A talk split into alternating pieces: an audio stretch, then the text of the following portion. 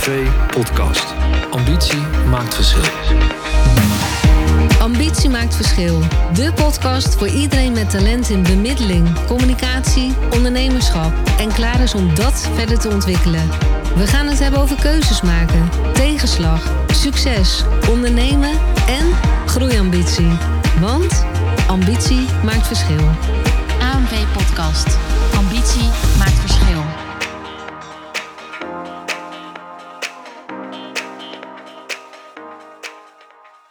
Van harte welkom bij deze nieuwe aflevering van de AMV Ambitie maakt verschil podcast. En in deze aflevering gaan we het hebben over sales en scheiding. Een onderwerp wat eh, vaak mixed feelings oproept. Want ik weet nog goed dat wij onze scheidingspraktijk hadden. En als we dan vertelden wat we deden, kregen we geregeld de opmerking: Oh, maar dat is echt booming. En dan kun je lekker veel geld mee verdienen, zeker. En dat voelde dan zo ontzettend naar. Vooral omdat onze insteek was om mensen gewoon goed te begeleiden in een complexe tijd. En ja, dat je daarvoor betaald kreeg, was een logisch gevolg. Sales en scheiding. Verkoop en scheiding. Verkopen van scheidingen. Het Ja. heeft er allemaal mee te maken in deze podcast. Hoe kijk jij er tegenaan, Erik? Ja, ik vind het echt een eh, heel tof eh, onderwerp. Omdat sales, ja, dat wordt toch vaak vergeleken met eh, verkopen. Of met, snelle jongens die veel geld willen verdienen aan een product. En eh, zo werd eh, scheiding in beginsel ook gezien. En dat is heel erg jammer dat dat gebeurt. Sales heeft voor mij een hele andere lading dan verkopen. En ik denk dat het goed is dat we het daarover gaan hebben. Ja, want sales wordt vaak geassocieerd met een vlotte babbelaar, praatjesmakers, targets halen, scoren dus. En bij sales, als je naar de, bijvoorbeeld de vacatures kijkt voor salesfuncties, dan draait het ook echt om targets eh, halen en dus om resultaten. Terwijl ja, wij eerst moeten definiëren hoe wij daar tegenaan kijken. En dat gaan we sowieso natuurlijk eh, doen. Wat ik ook merk in bijvoorbeeld bij onze eh, opleidingen, dat als je het woord commercie noemt, hè, of commercieel bezig zijn, of sales, dat, er dan ook wel menigeen het gevoel hebben van het klinkt alsof je geld gaat verdienen in deze branche over de rug en de ellende van een ander. Ja, nou, in de basis is dat natuurlijk ook zo. Alleen als je geld gaat verdienen, dan betekent dat je ook iets levert. En ik denk dat dat in de scheidingsbranche vaak eh, onderschat wordt. Dat je vooral naar de behoeften moet kijken van die scheidende partner. En op het moment dat jij die behoefte kan invullen, dan mag je daar toch ook geld aan verdienen, want dan geef je waarde.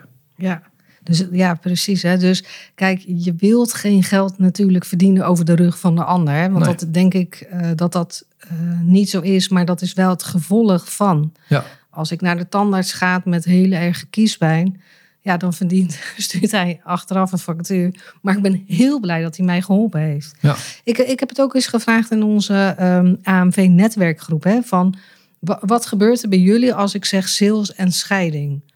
En ja, dan, dan hoor je ook van ehm, dat de weerstand eh, vanuit de klant zou kunnen zijn dat je eh, de promotie, nee, dat je een scheiding promoot. Dus Ja. als je een scheiding verkoopt, dan promoot je een soort scheiding.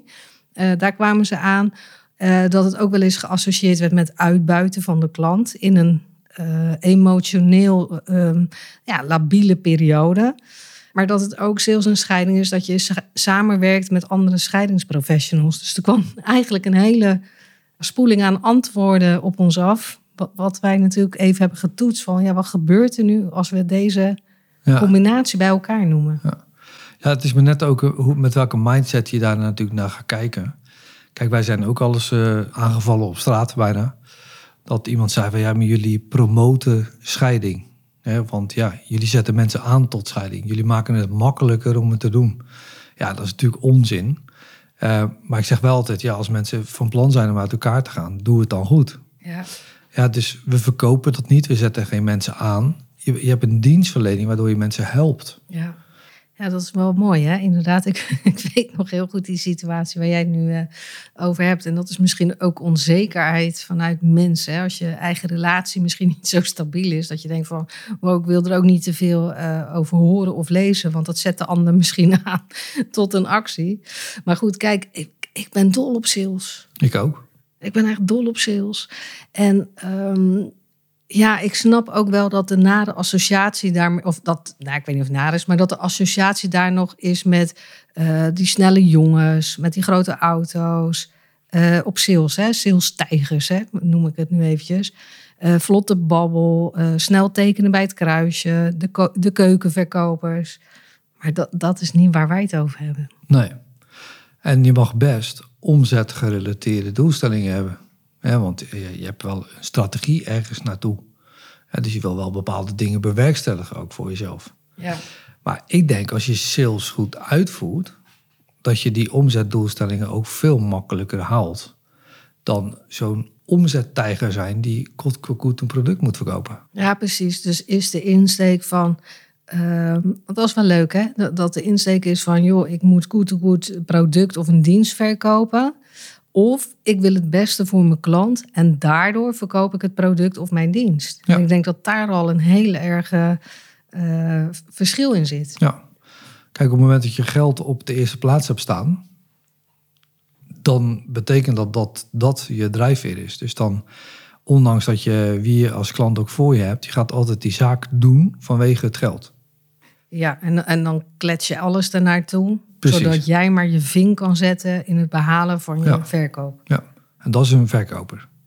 Ja. Ja, vroeger, en heel vroeger, had je dan de encyclopedieverkopers aan de, aan de, aan de Dat deur. wel eh, heel lang Dat is geleden. heel lang geleden, maar het geeft wel een- de, de lading daarvan is wel goed, hè, want dat gebeurt nog steeds aan de deur of over de telefoon. Dat ze je een dienst aanbieden en die moet je absoluut nemen, want ja, dat is alles in voordeel van jou. Dus iedereen praat goed wat er in de encyclopedie staat, dat, je, dat jij dat dan nodig hebt, waardoor mensen ook op een gegeven moment echt niet meer nee kunnen zeggen om die encyclopedie eh, te kopen. Of ze durven geen nee te zeggen. Ja. Dat, daar wordt ook altijd op gesuggereerd. En waar wij het over hebben, is dat je juist naar de klantbehoeften gaat luisteren. Wat heb je eigenlijk nodig? En sterker nog, wat jij nodig hebt, dat kunnen wij bieden. Dat is maatwerk. Ja, precies. Dus ja, maar dat, dat is echt een wezenlijk verschil. Hè? Kijk, wij worden ook, en misschien eh, jij luisteraar herkent het ook, dat je altijd op tijden dat je het gewoon niet wilt, wordt gebeld door zo'n callcenter. hè. Dat, dat ze weer de beste, eh, nou, waar bellen ze voor energieprijzen Ja. prijzen voor je hebben. En je voelt gewoon gelijk, tenminste ik, ik praat even voor mezelf, ik voel gelijk de weerstand komen van nee, nee, ga weg, ga weg. En dan blijven ze ook maar hun script voorlezen. Ze checken gewoon eens. helemaal, nee, ze checken Nee. helemaal niet bij je in. En dan, ik word er altijd een soort van van. Eh, ik, ik wilde ook zo snel. En ik sta al tien keer in het bel me niet register. Maar goed, helaas, dat helpt niet. Maar dat is natuurlijk een hele. Kijk, alles is natuurlijk verkoop, alles is sales. Maar er zit wel een gelaagdheid in, in hoe Ja. je dat gaat benaderen. En ik denk echt eh, bij goede sales dat het echt gaat om je houding, je gedrag en je vaardigheden. Ja, dat, dat je het echt voor die klant wil doen. Ja, ja mensen zeggen wel eens eh, sales vanuit je hart. Hè, er is Ja. zelfs een boek over geschreven. ja. Maar sales vanuit je hart is het. Je moet echt in verbinding zijn met die klant. Het probleem van die klant, of in ieder geval de behoefte van die klant willen oplossen. Ja, en als je dat echt wil, dan voelt die klant dat ook. ja. Ja, dus die kenmerken die jij noemt nu voor sales zijn heel erg belangrijk. En, maar ik wil er nog wel één aan toevoegen. Mhm. En dat is toch ook het proces wat je voert richting je klant. Mhm. Ja, dus de structuur die jij aanbrengt in je bedrijf, in de stappen die jij wil maken, die moeten heel duidelijk en helder zijn. En op het moment dat je dat goed voor elkaar hebt, is dat ook sales. ja. Ja, dus je afspraken nakomen. Eh, je, je sales of je proces zo hebben ingericht dat het voor de klant heel logisch is. Dat die stapsgewijs door het hele systeem heen kan. Dat is zo essentieel ja. eh, voor de producten. Ja, eigenlijk heel je, je, je klantenpad. Hè? Dus Ja. de ervaring die de klant binnen jouw bedrijf heeft, is eigenlijk ook al sales. Het, Ja. het, het zit op elke kleine details. Ja, En hoe vaak, hoe vaak wij niet horen als wij iemand terugbellen, die heeft gebeld. Oh, u, bent u bent snel met terugbellen. Of, dat vind ik, vind ik nog kwalijker, u bent de enige die terugbelt. Terwijl ze dan bij vier andere opleiders een vraag hebben ingediend. u bent de enige die terugbelt, denk ik dan. Hoe kan dit? ja. dat valt me ook op. Ja, dat, dat vind ik best bizar. Kijk, als je even nog kijkt, weet je, als je een scheiding gaat begeleiden, dan is het gewoon heel belangrijk als je bij mensen echt gaat afstemmen en ja, gaat aansluiten hè, bij iemand. Dus dat je echt de tijd neemt om goed te luisteren wat mensen zeggen, aan te voelen ook wat ze bedoelen, door te vragen. En vooral denk ik ook heel essentieel vertrouwen creëren. Dat Ja. iemand echt het gevoel heeft van, ik kan alles bij jou of bij jullie neerleggen. Dit gaat goed komen. En je doet het voor mij. En ja, dit vind ik een mooie toevoeging. Ja, je doet het voor mij en niet voor, voor jouw portemonnee. Ja. Even. En eh, het, het- het mag een win-win situatie zijn. Hè. Laat dat wel wezen, want als iemand een hele goede waarde toevoegt, Ja, dan mag die klant daar ook best wel voor betalen. ja. Maar ja, goed, dat, dat is eigenlijk eh, wat, wat ik echt vind. Hè. Je levert niet alleen die toegevoegde waarde, maar je bent de toegevoegde waarde. En dat moet gewoon in alles gewoon blijken. Dat, dat Ja. moet in elk aspect, in elk stapje met je klant, moet dat blijken. Ja. Verwachtingenmanagement, dus wat kan iemand verwachten? Wat is de interpretatie? Je gaat dus achterhalen. eh, heel simpel, als iemand bij jou aan tafel komt, wat maakt dat die klant bij jou aan tafel komt? Ja, alleen dat al, hè? Ja, dus vraag dat eens uit. Het is onvoorstelbaar makkelijk ja, om echt geïnteresseerd te zijn in je klant, waardoor die ook jou gewoon gaat vertellen wat hij aan tafel doet. Ja, en welke valkuilen ik dan zie, is dat een professional heel snel vanuit zijn eigen kaders gaat rammelen. Echt, ik noem het heel bewust rammelen, want dan gaan ze vertellen wat ze al in het verleden hebben gedaan. Ehm, wat voor ervaring ze al in dat werk hebben. Nee joh, daar zit die klant helemaal niet op te wachten. Nee. Als ik, ik, ik geef altijd het voorbeeld, hè, elke cursist die dit hoort, die weet wat ik bedoel. Maar als je naar de huisarts gaat, naar een nieuwe huisarts gaat of naar een nieuwe arts gaat, ja, dan, dan boeit het jou eigenlijk ook niet of die nou in Utrecht, in Leiden of in Zwolle heeft gestudeerd. Je voelt je gelijk goed bij iemand. Je hebt het gevoel dat je gehoord en gezien wordt. En dat hij dan aansluit op ja, wat jij nu eigenlijk bedoelt. Want het is nog niet altijd zo zeker dat een klant exact zegt wat hij wil. Dus je moet heel erg achterhalen van, ja, maar wat bedoelt die klant nu? Ja, En wat ze zeggen hoeft niet altijd hetgeen te zijn wat ze bedoelen. precies. Mensen komen vaak met een gevolg aan tafel. En, en, maar er zit altijd een probleem achter, of een belang achter, of wat dan ook. En eh, vanuit de mediation wereld, wat toch ook de basis is eigenlijk van scheidingsbegeleiding, ja, daar wordt je geleerd om die belangen te achterhalen. Ja. En eigenlijk werkt het in sales niet, an- niet anders. Maar hoe kun je nou heel goed een belang achterhalen dan? Door eh, bij, de, bij de mensen uit te vragen wat ze nou eigenlijk precies bedoelen. Ja. Ja, dus niet in je eigen aannamebeleid in je hoofd eh, aan te zetten. Maar echt gelijk is bij die klant gaat vragen: joh, maar, maar wat zeg je nu eigenlijk? ja.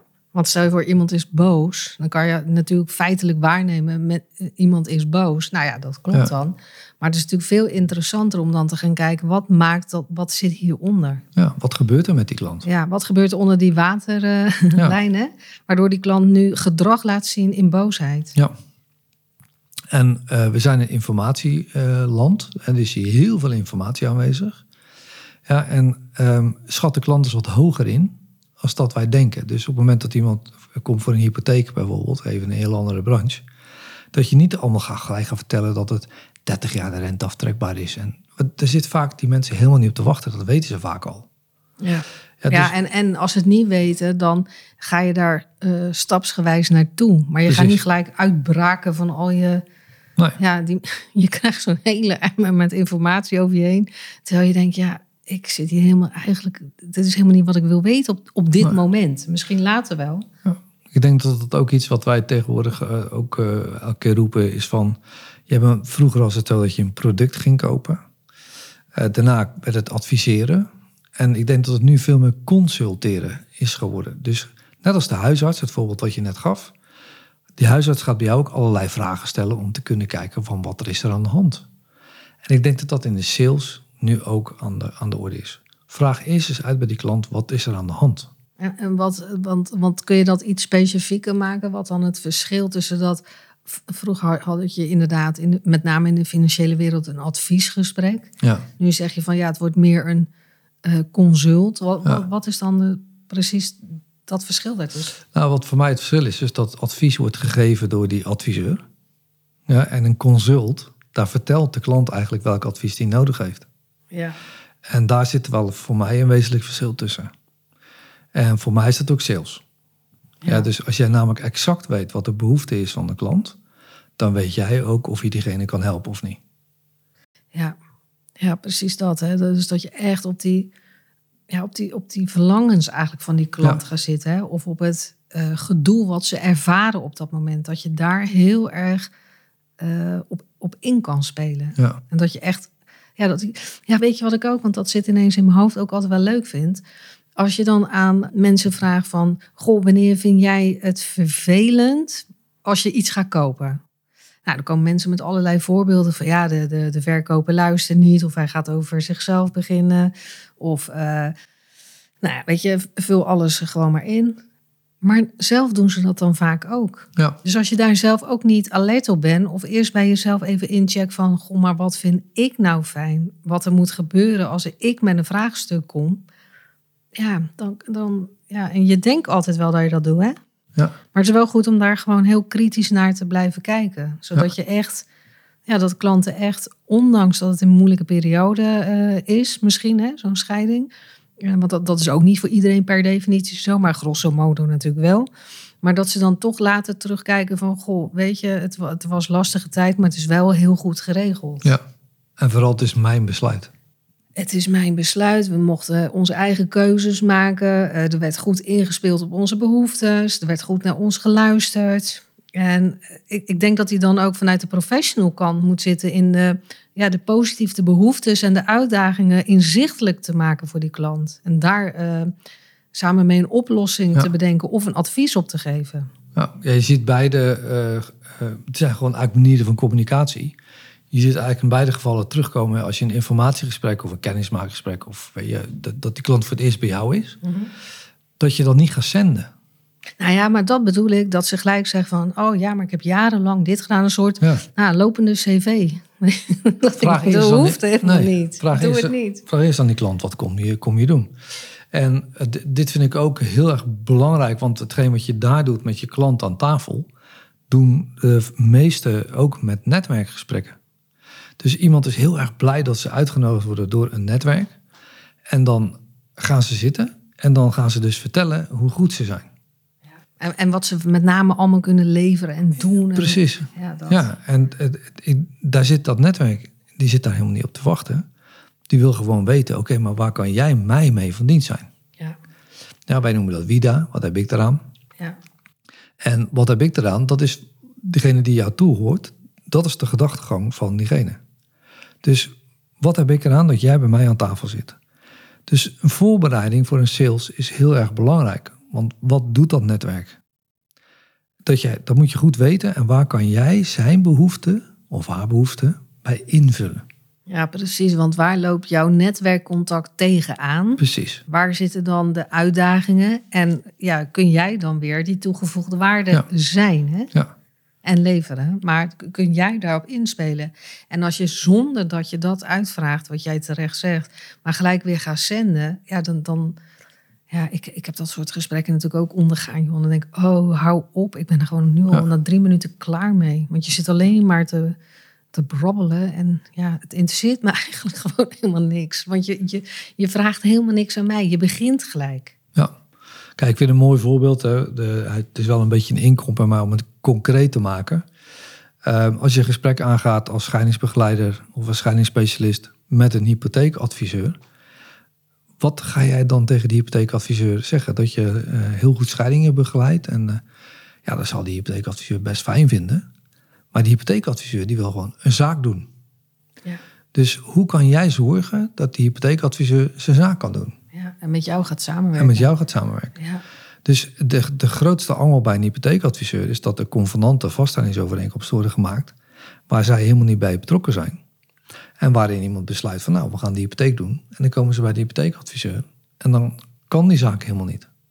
En als je die hypotheekadviseur er eerder zou bij betrekken, dan zou die daar invloed op uit kunnen oefenen, waardoor die hypotheek wel gedaan zou kunnen worden. ja, en onderaan de streep beter voor die klant. Precies. Want die klant wil graag die hypotheek.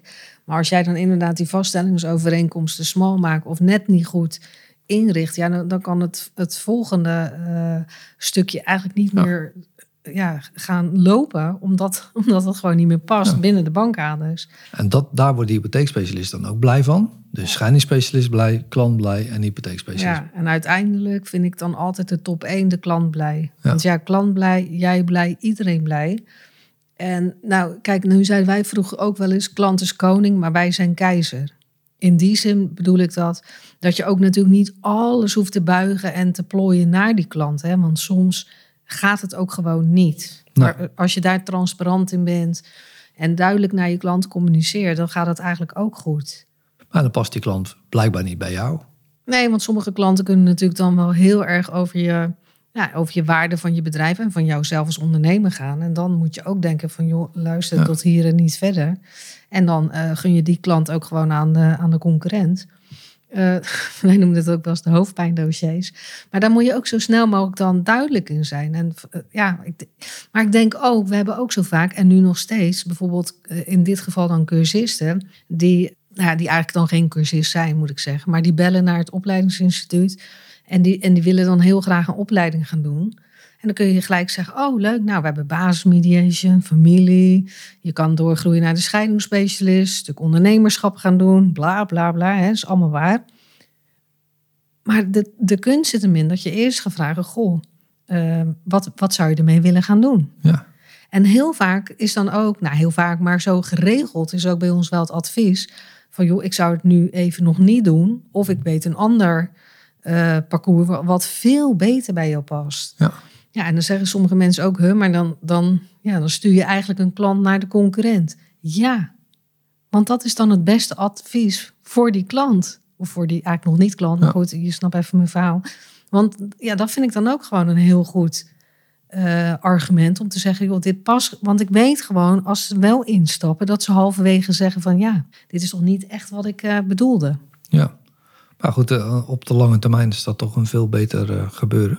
Ja, dat vind ik dan eigenlijk ook wel weer sales. Alhoewel je dan Ja. niet een rinkelende kassa hebt. Maar ik denk op termijn dat mensen wel goed over je praten. Dus je hebt toch ergens wel een, ja, iets, iets goeds achtergelaten. Ja, ik draai me altijd maar om. Stel dat die deelnemer wel gaat deelnemen. En hij heeft een verkeerd verwachtingspatroon. Dan is hij ook teleurgesteld. Ja, En dan, dan zijn de rapen gaar. ja. Om het zo maar even te zeggen. ja maar da- daar zit hij wel in. Ja. Ja, als ik ons zo hoor praten, dan is sales eigenlijk gewoon je dienstverlening op orde hebben. Ja, eh, zeker. Zeker. En wat, nou ja, helemaal waar. En wat ik ook eh, vind is eh, overlever. In die zin, lever altijd meer dan, dan dat diegene van je verwacht. Ja, Doe altijd net even wat extra's. En of dat nou bijvoorbeeld uit in snel terugbellen als iemand gebeld heeft. Eh, nou ja, wat ik net in het begin van de podcast al zei, dat mensen zeggen, "Huh, u belt tenminste terug. Ja, ik vind dat heel normaal. Maar tegenwoordig is dat, dan val je al op. Dus probeer met van die kleine ehm, details misschien, of kleine dingen wel eh, te overleveren. ja. Niet overleven hoor, trouwens. Nee, overleveren. overleveren. Dus ook weer je verwachtingspatroon op een niveau zetten dat je het altijd kan overtreffen. Ja. Ja, het zijn Ja. van die kleine dingen ook. Weet je, van je klant, als hij net wat heeft eh, eh, gezegd, ja, dat je dat dan onthoudt. Ja, Eh, heel vroeger, goed, dat is de eerste podcast van ons, waarin ik vertel dat ik natuurlijk gestart ben met een schoonheidssalon. Ja, er kwamen ook mensen in de salon die dingen vertelden over hun gezin, over hun situatie. Ja, ik maakte dan altijd wel een beetje steekwoorden in de agenda bij de volgende afspraak. Dus als iemand had gezegd, joh, we gaan een groot feest geven, want eh, mijn moeder wordt eh 85. Ja, dan schreef ik dat op bij de. En dan zei, want dat, ja, dat kan je allemaal niet onthouden. Maar dan schreef ik dat gewoon op. En dan de eerstvolgende keer zei, zei van, en hoe was het feest? Ja, dat, dat is zo simpel, maar dat, dat, ja, dat is gewoon heel belangrijk. Dat je gewoon echt met je klant bezig wil zijn. ja.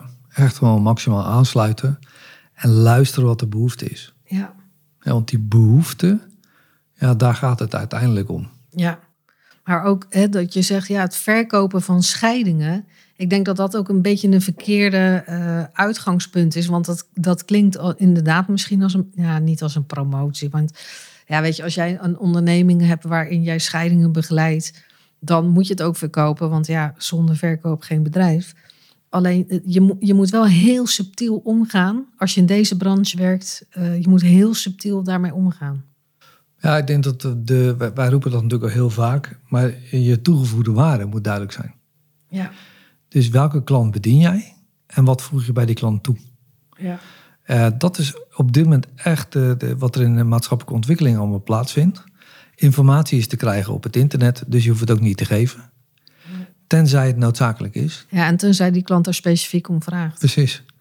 En voor de rest is het communicatie is een heel groot onderdeel van sales. Eh, en vooral ook je inleven in je klant. Ja. De behoefte, hè, waar we het de hele tijd over hebben. Ja. En als jij de behoefte kan invullen, als je het goed uitvraagt, voor mij is dat echt de perfecte sales. Ja, en, en waar, waar die natuurlijk ook zit, is dat je even, of dat je even, maar dat je oordeelloos of dat je je eigen gedachtenstroom Uitzet. ja, echt uitzet. Ja. En dat je helemaal in het moment bent met die klant. Dus dat je echt aandachtig luistert, eh, samenvat, even doorvragen van wat klopt het dat je dit eh, zegt en wat, dat je dit ook bedoelt. Afstemmen, Ja, inchecken, afstemmen. Eh, ja, dat. ja. En geen aannames doen. En juist niet. Want jouw aannamebeleid, ja, dat blijft altijd een, eh, een, een, ja, een reflectie van jou. Ja. En nooit een reflectie van die klant. Ja, want eh, ja, ik vind dat super vervelend als ik net eh, iets aan iemand heb zitten vertellen en diegene zegt, oh, dus je bedoelt zo, zo, zo. Dat ik denk, nee, dan, dan heb je niet goed geluisterd. En maar eigenlijk sta je dan alweer 1-0 achter, hè, als je die fout al heel snel maakt. Mhm. Maar we constateren natuurlijk eh, sowieso in onze beroepsgroep. Ja, dan is dit eigenlijk de key wat je moet doen. Je moet goed luisteren naar je klant. eh, goed doorhebben wat daar speelt. Ook het lef hebben om door te vragen. Ja, Ja, en ik denk nogmaals, als je dat goed beheerst, dat, dat dan, dan verkoopt hetgeen waar, je- waar welke behoefte jij oplost zich vanzelf. Nou ja, kijk, maar dat is ook wat mediators ons natuurlijk eh, vragen. Van ja, ik, ik, ik vind het werk eh, super interessant. Daar wil ik me ook helemaal hard voor maken. Maar dat verkopen, hè, dat vind Ja. ik wel een dingetje. Dat is wat wij regelmatig horen. En als je dan gaat uitvragen van... ehm, ja, maar wat bedoel je daar dan eh, precies mee? Van ja, dat, dat ze toch een beetje de deal moeten closen. Dus ze hebben zo'n informatiegesprek of een kennismakingsgesprek, whatever, gehad met, met mensen. En, en dan kom je aan het einde van het gesprek. En dan, ja, dan heb je zo van work, work, work. En dan loopt hij weg. En dan zegt die klant van... eh, nou, ik ga er toch nog even over nadenken. En dan, eh, eh, oké, oké. En dan, weet je, dan, dan loopt hij gewoon door het putje eigenlijk. Ja. Terwijl je, ja, weet je, die klant moet er nog over nadenken. Mag je best vragen, goh, waarover wilt u dan nog nadenken? Ja, Misschien kan ik hier gelijk hier antwoord op geven. Maar dat, dat stukje ja, vinden ze heel spannend. ja. Want dan vraag je om de handtekening. Hè, zo wordt het ook vaak eh, gezien. Ja. Maar dat is nou eenmaal, je kan die mensen perfect begeleiden. Ja. Je hebt dus het helemaal uitgegooid. Jij bent de perfecte partij voor die mensen. ja, en je weet gewoon dat jij die toegevoegde waarde kunt Ja. leveren. Dan mag je dus ook zeggen, eh, de deal closen en om de handtekening vragen. Ja, dus sales is ook zeker wel aan te leren op een goede manier. Hè? Zeker. Heb ik het nu Ja. nog steeds over. Dus dat je dan echt wel, dat is als een klant eh, bijvoorbeeld, verzin even tien tegenargumentatie. Hè, dat de klant zegt, nou ik moet nog over nadenken. Goh, ik vind je veel te duur. Ehm, eh, ja, we kunnen niet zo snel starten. Ik noem alles maar op. Ja. Dat je daar rustig gewoon antwoord op kon geven. Zonder dat je gelijk als professional uit het lood bent geslagen. Dat je denkt, oh help, wat komt er op mijn pad? Ja, die bijvoorbeeld, eh, ik vind het veel te duur. Ja, Ja, dat is natuurlijk een, een, een veelgehoord argument. ja, Dat, vaak is het zo dat de klant dan gewoon geen zaken wil doen met jou. Want dan gooien ze het op het geld. ja, Maar je kan natuurlijk ook vragen, wat, maakt het te duur? ja. Dus dat je het weer uitvraagt. En Ja. ga niet gelijk in de verdediging. Maar ga uitvragen wat die klant nu eigenlijk bedoelt. Ja, kijk, en, en dan nog is het per definitie niet zo dat die klant jouw klant wordt. Eh, maar soms kun je er ook zelf wat van leren, want het antwoord kan je ook nog wel eens verrassen. Ja, Zo, zo weet ik wel in het begin dat mensen bij ons zeiden van, ja, maar ik wil wel eh, snel scheiden. Nou, dan kun je gelijk denken, oh, maar bij ons kan het eh, binnen twee maanden. Maar is dat ook wat die klant bedoelde? Dus vraag gewoon aan die klant, pak dan weer die containerbegrippen, zoals wij dat noemen, van, goh, maar wat is snel? En dan krijg, krijg je hele verrassende antwoorden en misschien iets totaal anders dan wat jij in je hoofd had. ja, Dus echt dat durven doorvragen op die eh, begrippen, dat is gewoon heel belangrijk. Nou, sales, wij, wij kunnen er nogal tien eh podcasts over opnemen. dat denk ik wel, ja. Maar goed, we zullen hem hierbij bij laten. Nou, dankjewel Ja. Erik ook weer voor het gesprek. Dankjewel voor het luisteren. En eh, heb je ook een goede ervaring met sales? Laat het ons gerust weten. Dankjewel. AMV Podcast. Ambitie maakt verschil. Dankjewel voor het luisteren. Uiteraard hopen wij dat jij hier nieuwe inspiratie of inzichten uit hebt gehaald voor weer een volgende stap. Als je met plezier hebt geluisterd, en je bent nog niet geabonneerd op onze podcast, abonneer je dan via je favoriete podcast-app. Je kunt natuurlijk ook een review achterlaten. Daar zijn wij enorm blij mee. En als je vindt dat andere ondernemers naar deze podcast zouden moeten luisteren, deel deze podcast dan gerust met je netwerk. Wij zien nu al uit naar de volgende podcast. Dus graag tot de volgende keer. En weet, ambitie maakt verschil.